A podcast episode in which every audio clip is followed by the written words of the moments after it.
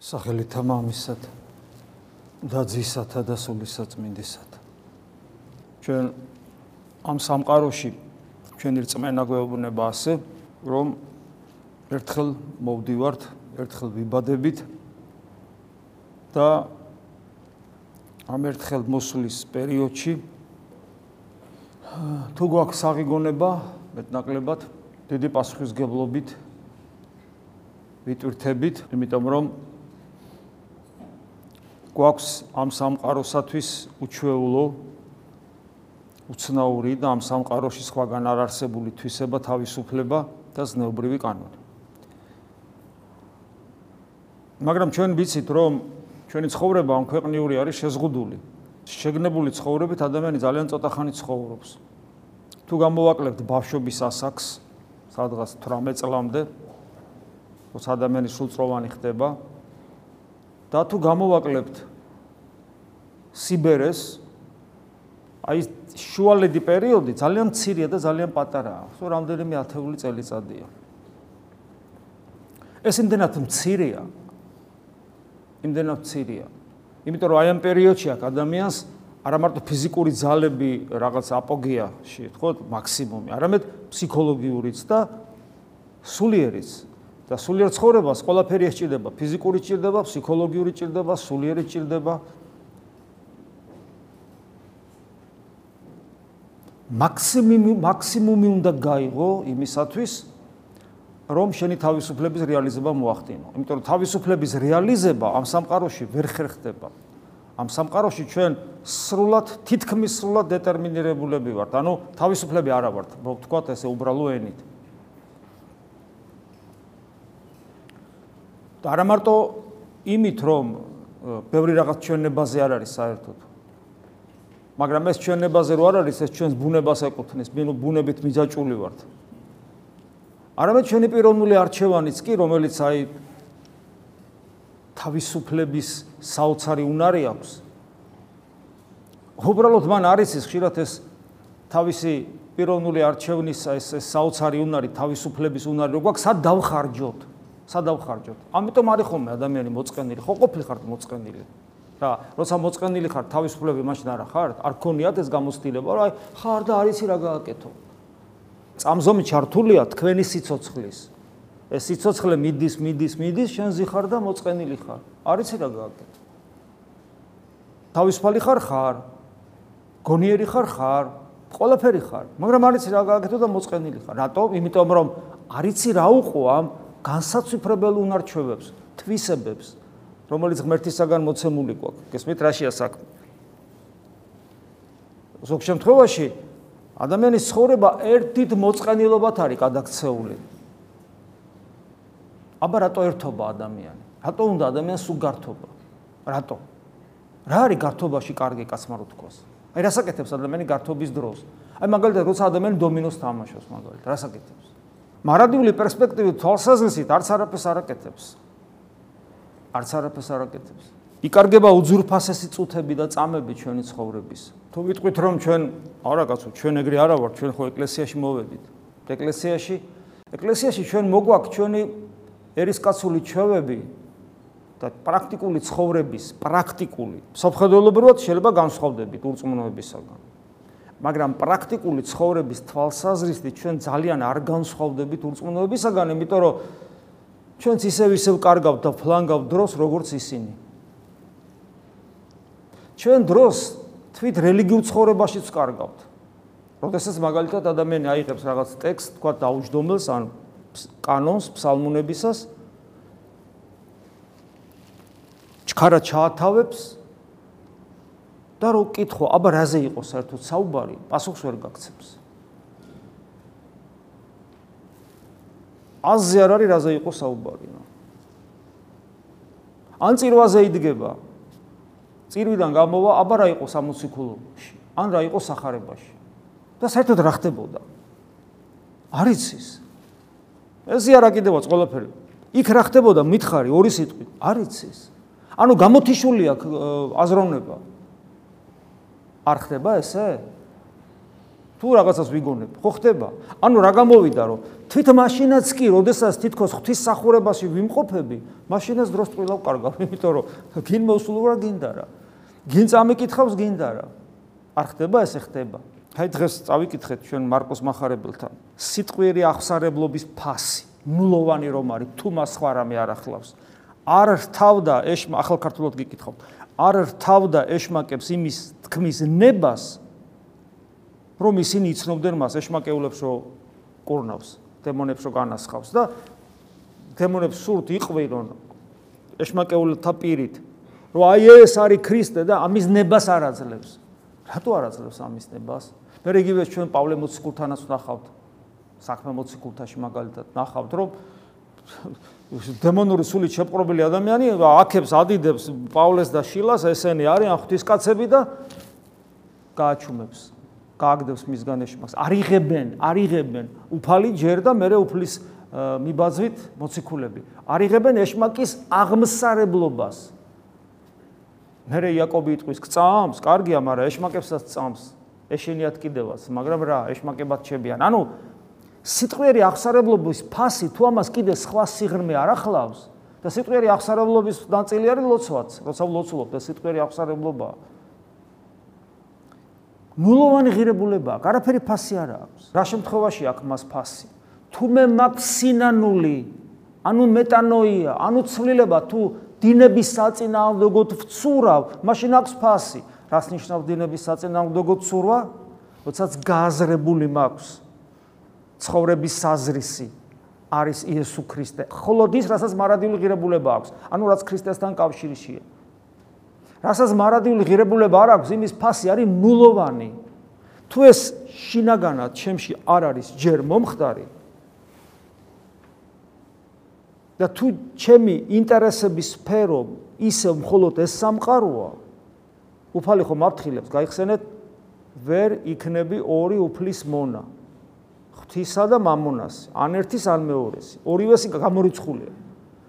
და თუ ჩემი ცხოვრების ინტერესები მიჯაჭვულია ბოლომდე ისევ მიწიერს როგორი რელიგიურიც არ უნდა ვიყო ეს არაფერს არ ცulis თუ ჩემში ეს მეტანოია ანუ სინანული ანუ მეტამორფოზა მომხდარია და შემოტრიალებული ვარ დინების საწინააღმდეგო მიმართულებით როგორც ხშირად გვითხოვს ხოლმე. დინების საწინააღმდეგო მიმართულებით შემოტრიალება ჯერ არ არის საკმარისი ანუ რას ნიშნავს? აი ადამიანი ურწმუნო იყო და უცებ გაუნათა გონება. ქრისტე ღმერთია მიხვდა არ არის საკმარისი შემოტრიალება დინების საწინააღმდეგო მიმართულებით საჭიროა პროცესი პროცესი და პროცესი ნიშნავს დინების საწინააღმდეგო მიმართულებით ცურვას ისე რომ ამ დინებას აჯობო. მით უმეტეს თუ ის დინება მოუჩქარებს ან ჩანჩქერი შეხვდება მაინც უნდა ახვიდო ანუ ღვაწლია საჭირო სულიერი ცხოვრების პრაქტიკაა საჭირო და სულიერი ცხოვრების პრაქტიკა ნიშნავს იმას რომ აკეთებ აკეთებ მოქმედებ და იცი რასაც მოქმედებ და რასაც აკეთებ. მიმართულება გაქვს, გზაზედ გახარ. თუ არ იცი რას აკეთებ, რას აკეთებ. და აი ნახეთ, საოცარია ხო ეს ქრისტე არის ღმერთი თავად, მაგრამ ის ადამიანად რომ მოვიდა, ჩვენთვის მოვიდა ადამიანად და რასაც აკეთებს ყველაფერს ჩვენთვის აკეთებს. ადამიანათა ჩვენთვის მოვიდა მისი ყველა მოძრაობა, მისი ყველა ქმედება, მისი ყველა სიტყვა არის იმისათვის, რომ მე მაჩვენოს გზა, იმიტომ რომ მან თქვა მე ვარ გზა.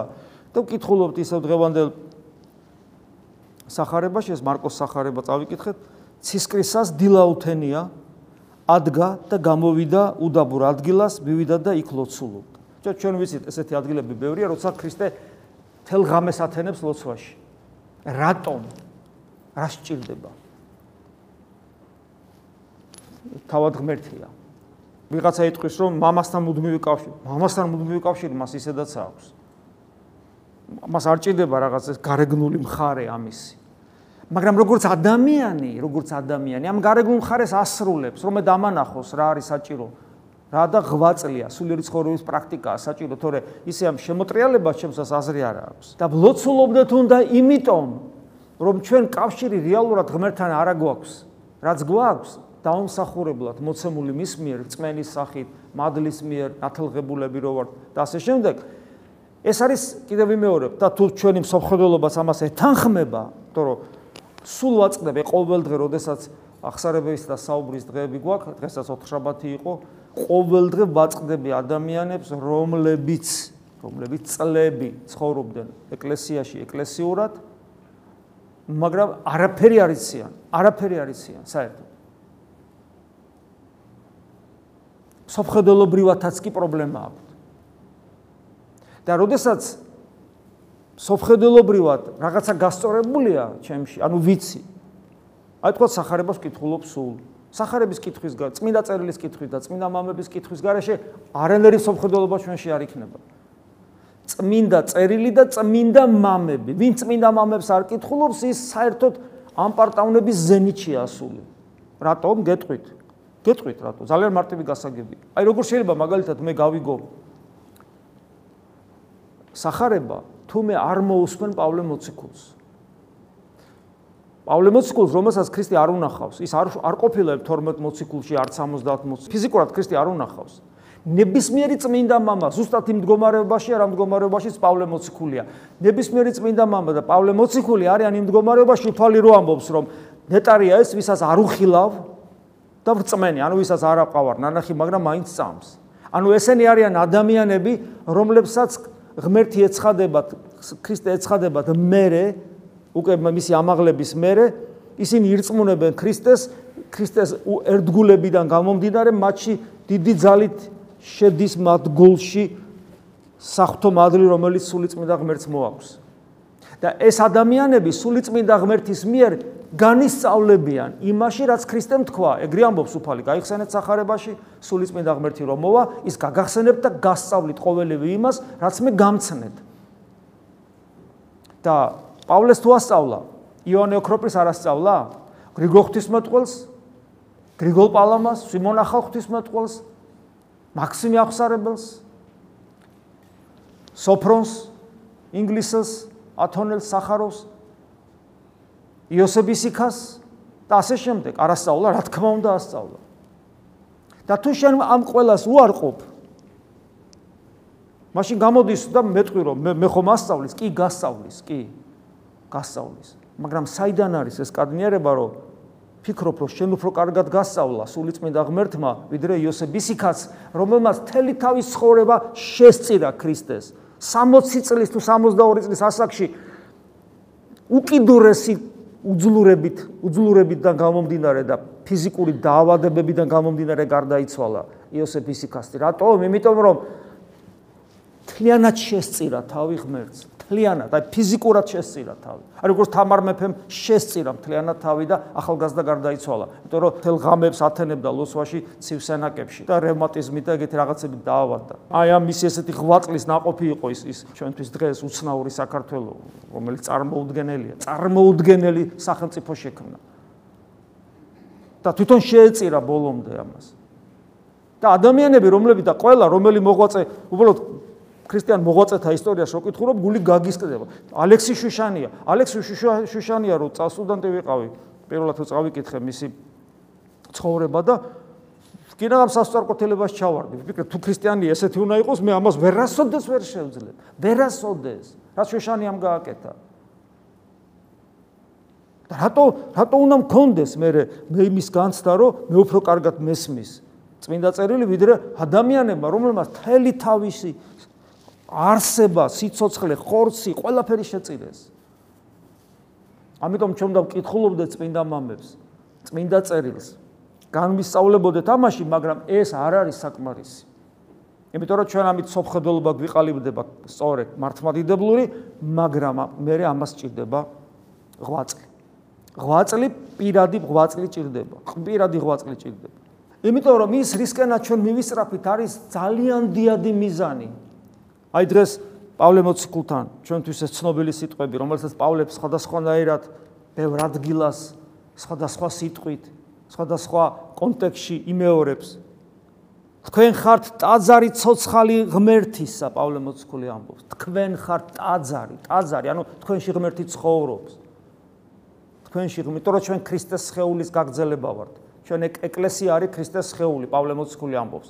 ქრისტეში სრულად დამკვიდრდა, სრულად მკვიდრობს ღმერთი, როგორც პავლე ამბობს და ჩვენ, რადგან მისი ნაწილნი ვართ, ქრისტეს ადამიანური ბუნების, მაშინ ჩვენ ჩვენ პოტენციაში აზარნი ვართ ყველანი, ოღონ ჩვენ გული უნდა გაუხსნათ. როცა ჩვენ საუბრობთ ზეცის მოქალაქეობაზე, ზეცის მოქალაქეობა ნიშნავს იმას, რომ მე ტაძარი ვარ ღვთისა. თუ მე ტაძარი არა ვარ ღვთისა, მე ზეცის მოქალაქე არა ვარ. ჩემში ღმერთი არ არის, მე ზეცის მოქალაქე არა ვარ. ჩვენ ხორცს ხო ვიცნობთ? არ იცნობთ თქვენ ხორცს? ხო ვიცნობთ, ხო სამარცხინო ხორცი გვაქვს. რეებს ჩადის, რეები ჩაუდენია, რეები უნდა საერთოდ. და როგორ გვაშინებს? და ისე გვაშინებს, იქ ავანტყოფობა არ დამემართოს, იქ არ გარდავიცვალო, იქ რაღაც არ დამემართოს, იქ იქ იქ რო ღირსებაზე ჩვენს ღვთის ხატობასა და მსგავსობიდან გამომდინარე ღირსებაზეც კი უარს ვამბობთ. ამიტომ ამბობს პავლე მოციქული, ჩემს ხორჩი ვერაფერს იკეთეს ვერ ხედავ. პავლე, პავლე ვერ ხედავს თავის ხორჩი ვერანაირს იკეთეს. მე როგორ დავინახო ჩემ ხორჩი რაიმეს იკეთე? როგორ როგორ უნდა მომიბრუნდეს ენა რომ არა, არა, მე ეკეთე არა ვარ, მე კეთილი ვარ, ჩემ ხორჩი ყველაფერი კეთილად არის. როგორ თუ პავლე ვერ ხედავს?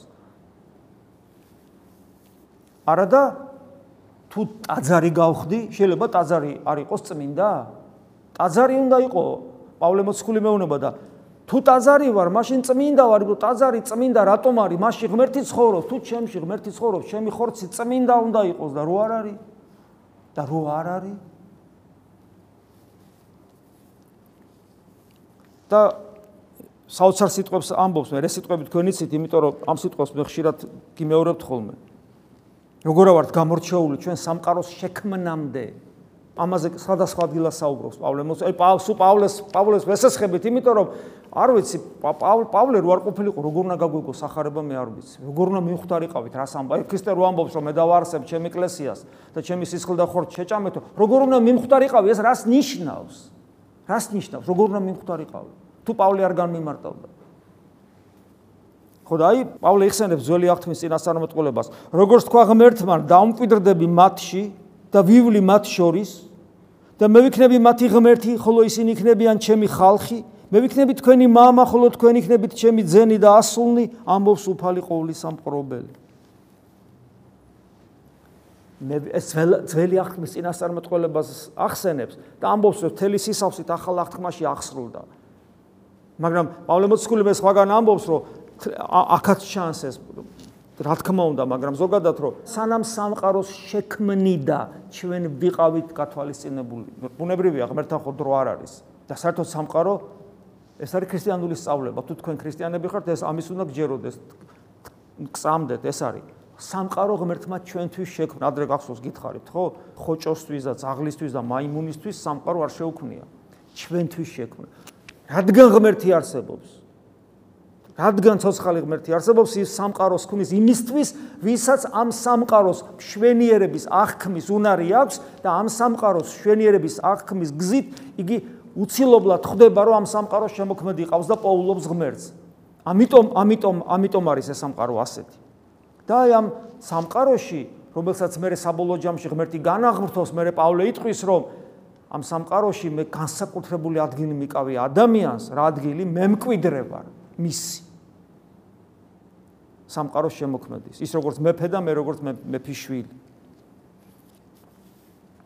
მაგრამ ეს რომ მოხდა ჩვენ ჩვენი საკეთებელი გვაქვს.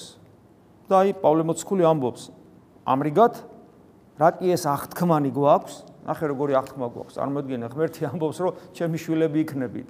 მე თქვენში ვიქნები, თქვენში, თქვენში შემოვა, თქვენში დამკვიდრდები და თქვენ ჩემი შვილები იქნებით.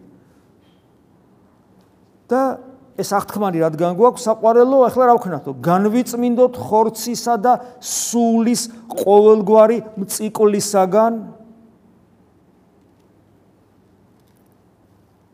და სრულყოთ სიწმინდე ღვთის მოშიშებით.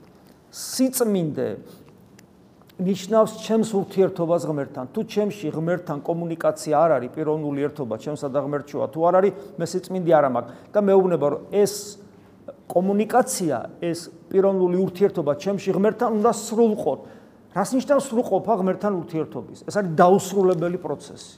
არასოდეს არ მოხდება ისე, რომ აი ისე გავიცანი ღმერთი, რომ იმის იქით აღარაფერია. ეს ხო აბსურდია. ღმერთს ხო ესე ვერ მიუახლოვდები. ღმერთი ხო გონება მიუწდომელი უსასრულობაა. ამიტომ აი ეს სრულყოფა სიწმინდის არის დაუსრულებელი პროცესი, ანუ მე შეუდექი გზას, რომელიც არასოდეს დასრულდება.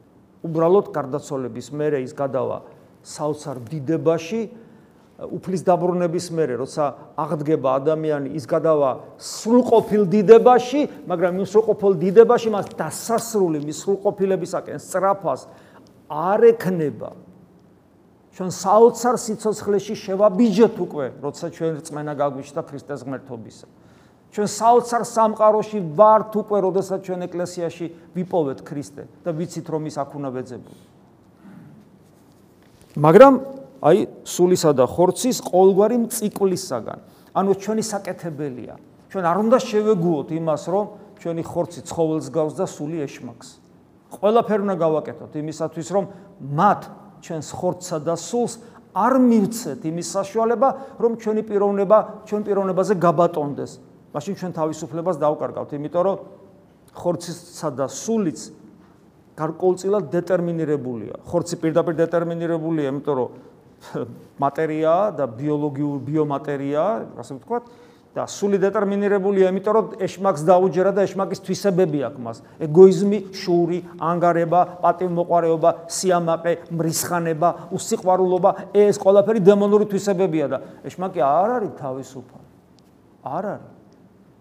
შეპყრობილია ამ ღნებებით. დაკარგა მან თავისუფლება. თავისუფალი მხოლოდ ღმერთია და ადამ გონიერი არსება იმდენად არის თავისუფალი, რამდენადაც მასში ღმერთი ცხოვრობს და იგი ღმერთს გავს. და მე პავლე მოციქული ამბობს, რომ როცა ადამიანი ესე ცხოვრობს და ღვთისმადლი შემოდის ჩვენში და ჩვენში არის სიწმინდე, ანუ ჩვენში არის ღმერთთან ურთიერთობა, რომელიც სუყოფილების გზაზე, რომელიც სუყოფილება ხდება, მაშინ შედეგად ისა აქ რო ნახე პავლე ამბობს, ჩვენს გულებში ხართ, რათა ერთად მოვკვდეთ და ერთად ვიცოცხლოთ. ნახეთ რა საოცარ სიტყვებს ამბობს პავლე მოციქული.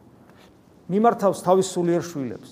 ანუ ეს აი მე რომ მოგმართოთ თქვენ და თქვენ ერთმანეთს და თქვენ მოძღვრებს და საერთოდ ჩვენ ერთმანეთს რომ მივმართოთ ეს თქვენ ხართ ჩემს გულებში და ჩვენ რატომ ხართ რატო ხართ ჩემს გულებში რომ ერთად მოვკვდეთ და ერთად ვიცოცხლოთ თბილი სიტყვებია უთბილესი სიტყვებია და თუ ამაში არ რეალიზდება ჩვენი ქრისტიანობა ჩვენი ქრისტიანობის ფასი არის ნულოვანი თუ ჩვენ არ გვიხარია ერთად სიცოცხლეს და ერთად სიკვდილის ქრისტესათვის, ჩვენი ფასი ნულია როგორც ქრისტიანებს.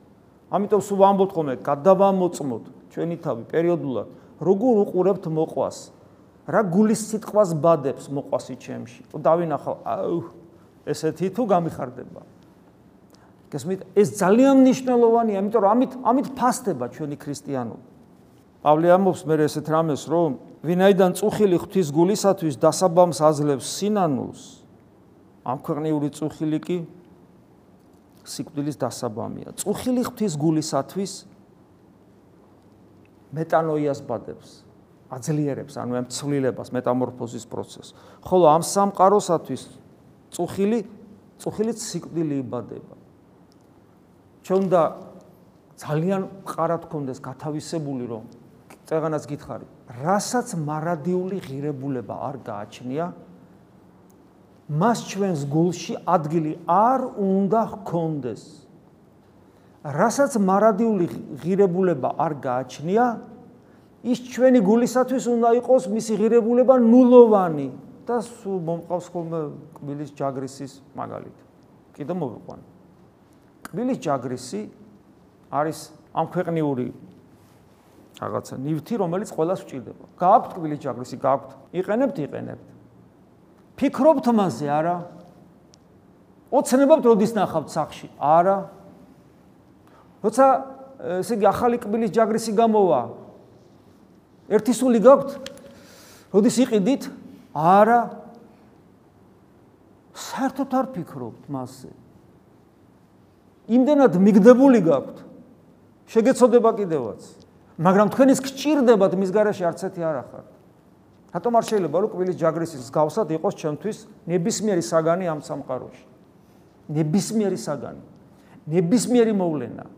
ყველაფერი აბსოლუტურად. მათ შორის ამ ქვეყნიური წარმატებები და კარიერა იყოს კბილის ჯაგრისები. მჭირდება მაქვს, იმიტომ რომ ამ ცხოვრებაში რაღაც ვალდებულებები გამაჩნია, მაგრამ როგორც კბილის ჯაგრის აქ ნულოვანი ფასი ჩემ გულში. მიუხედავად იმისა, რომ მის garaშე ალბათ ვერ ვძლებთ, ასეთივე ნულოვანი ფასი ქონოს ჩემ გულში ყველაფერს ამ ქვეყანაზე, რასაც მარადიული ღირებულება არ გააჩნია. რას გააჩნია მარადიული ღირებულება? მხოლოდ იმას, რასაც შეუძლია ქრისტესთან ერთად ყოფობა და ქრისტესთან ერთად ყოფობა მხოლოდ და მხოლოდ შეუძლია მეორე ადამიანისადმი ჩემს სიყვარულს, სხვას არაფერს. თუ ჩემთვის ქრისტია მხოლოდ მარადიული ღირებულება, მასთან ერთად მხოლოდ მეორე ადამიანი იქნება, რომელიც მიყვარს მე, საერთოდ ადამიანისადმი სიყვარული. სხვა არაფერი არ არსებობს იქ, არაფერი. და ჩვენ უნდა გამოვიმუშაოთ აი ნახეთ აი სიტყვები რო არის წუხილი ამ ქვეყნიური წუხილია. ჩვენ ხო სულ წუხ ვართ. აუ რაღაც ის არ გამოდის, რაღაცა პრობლემაა შეექონა, რაღაცას ვერ ვაკეთებ, რაღაც არ გამოვიდა, რაღაცა რაღაცა სულ სულ რაღაცა არ გამოდის, სულ. მათ შორის ალონტყოფობა, აი ჯამთელი მინდოდა სხეული მქონდა და უცებ რაღაცა გამიჩნდა და უცებ რაღაც ყველაფერი წარმავალია, ყველაფერი. და ამიტომ მეუბნება პავლე მოციქულიო, თუ შენ წუხარ ამ ქვეყნიურზე, რომელსაც მარადიული ღირებულება არ აქვს, შენ ეს წუხილი სიკვდილამდე მიგიყვანს. აბა რაზე წუხდე? მხოლოდ იმაზე, რომ ქრისტესთან უნდა იყო და ვერ ახარ. ამიტომ ამბობს, წუხილი, მგლოვარება, მგლოვარება ღვთის გულისათვის, დასაბამს აძლევს სინანულს. მე როდესაც მაქვს წუხილი მგლოვარება, რომ ღმერთთან ღმერთთან უნდა ვიყო და ვერავარ, ეს მაიძულებს, რომ ჩემი მეტანოია კიდევ უფრო მეტად უფრო მეტად მიმართული და მიზანსწრაფული გახდეს. უფრო მეტად მოუჩქარო დინების საწინააღმდეგო ცურვას, უფრო მეტად ენერგიული გახდეს სულიერ ცხოვრებაში. უფრო მეტად დინამიური, უფრო მეტად ცოცხალი. ეს არის ჩვენი საკეთებელი. მაშინ ჩვენი ლოცვითი სიტყვები იქნება გაცოცხლებული და სხვანაირი. ჩვენ უკ სიტყვას არასოდეს ვიტყვით. სისულელეზე არასოდეს ვილაპარაკებთ. ჩვენ შეგრძულდება ყოველი წამი. ჩვენი თავი ყოველ იმ წამში, რომელიც წამიც დაკარგულია სისულელეში. შეგძულდება, რამ დამაკარგინა ეს დრო? ამ სისულელეში უნდა ვთქვა. დრო ჩართულია, ძალიან სწრაფად გადის. და ნუ დავკარგავთ დროს, ნუ სისულელეში და ნუ ღვთისმსახურებას გადავაქცევთ სისულელეთ და ბოროტებად და ყოველი წამი გამოვიყენოთ აი აქ რუსავ დგავართ ვის აი წირვაზე ყოფნა იმასაც გვასწავლის როგორ უნდა გამოიყენო ყოველი წამი. ჩემთვის იცით რა ვთქვავს რომ აი წირვაზე დგომა თქვათ მოსულა ჩვენთან და არა არა არ შემილია. მე აქ თუ ცოტა არ გავიხედე გამოვიხედე გაუცინე გამოუცინე თან ერთმა მითხრა სუღმერძე უნდა იფიქრო შენ წირვაზე რო ხარ. ბიჭო წადი და იყავი რაც გინა აქ მაინც ისწავლე სულ ღმერთთან ყოფობა იმიტომ რომ რომ გარდაიცვლები მე რა გეშველებაა ადამიანს რომელსაც სულ ღმერთთან ყოფნა არ უნდა და ამას აპროტესტებს საათნახევრის ან 2 საათის განმავლობაში ის მარადისობაში ქრისტესთან როგორ გაძლებს და პავლე მოციქული რას ამბობს? როგორ როგორ განმარტავს მარადისობას? უფალო დაბრუნდება აღვიტაცნებით რუბელთა ზედა და მარადის ანუ სულ აღვიტაცებით რუბელთა ზედა რუბელთა ზედა ეს ნიშნავს მიღმერ სამყაროში გადასვლას. ის ცის რუბელზე კი არ არის საუბარი აღვიტაცებით რუბლთაზე და რათა მარადის ანუ სულ უფალთან ერთად ვიმყოფებოდეთ. ეს არის მარადიული სიცოცხლე. სულ 2 საათი ვერ ძლებ? შენ არ ახარ ზეცის მოქალა. ასე რომ აღზარდოთ ჩვენში ნამდვილი ქრისტიანი და ერთ-ერთი პირობა ამისი არის ის, რომ დროს გაუფრთხილდეთ, თუ დავკარგათ სისულელეებში და ეს ისწავლება ყველაზე მეტად ღვთისმსახურების დროს როდესაც არაძლევს შენს გონებას, შენს გულს იმის უფლებას, რომ აი ეს დრო, რომელიც სრულად ღმერთს უნდა ეკუთვნოდეს, სხვა რამეში დახარჯოს. შესაძლებელია ეს ჩვენი რესურსით არა, მაგრამ თუ ჩვენ ამას ძალიან მოვინდომებთ, მე უკვე ღმერთი გვეხმარება, მაგრამ ამას ჭირდება გლოვარება ღვთის გულისათვის და ეს ჩვენში ბადებს აი მეტამორფოზის საოცერ ძალმოსილებას, ანუ სინანულს ძლიერს, რომელიც ყველაფერს გაარღვევს იმიტომ რომ ეს გზა უკვე გარღვეულია და გზა უკვე არსებობს. ამ გზას იესო ქრისტე ქვია. ამინ. მადლი უფლისა ჩვენისა იესო ქრისტესი და სიყვარული ღვთისა და მამისა და ზიარება სულისა წმიდისა იყოს თქვენ ყოველთა თანა. ამინ